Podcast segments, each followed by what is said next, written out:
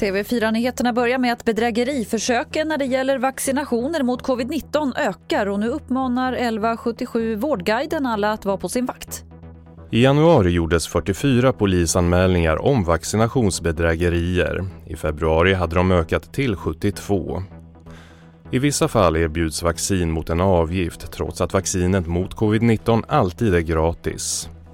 Vårdguiden 1177 varnar nu för bedrägerierna och uppmanar alla att lägga på luren om någon som påstår sig ringa från vården ber dig logga in med BankID. Reporter här var Karl Mogren. Så till Helsingborg där en tonårsflicka ska ha blivit misshandlad av flera män igår kväll. Hon fördes till sjukhus och enligt HD är hennes tillstånd allvarligt men stabilt. En man i 25-årsåldern är gripen och anhållen och polisen söker ytterligare minst en gärningsman. Efter coronautbrott bland säsongsanställda så erbjuder nu Region Jämtland Härjedalen covid-testning veckovis för all personal i Åre och Vemdalsområdet. Det här rapporterar SR.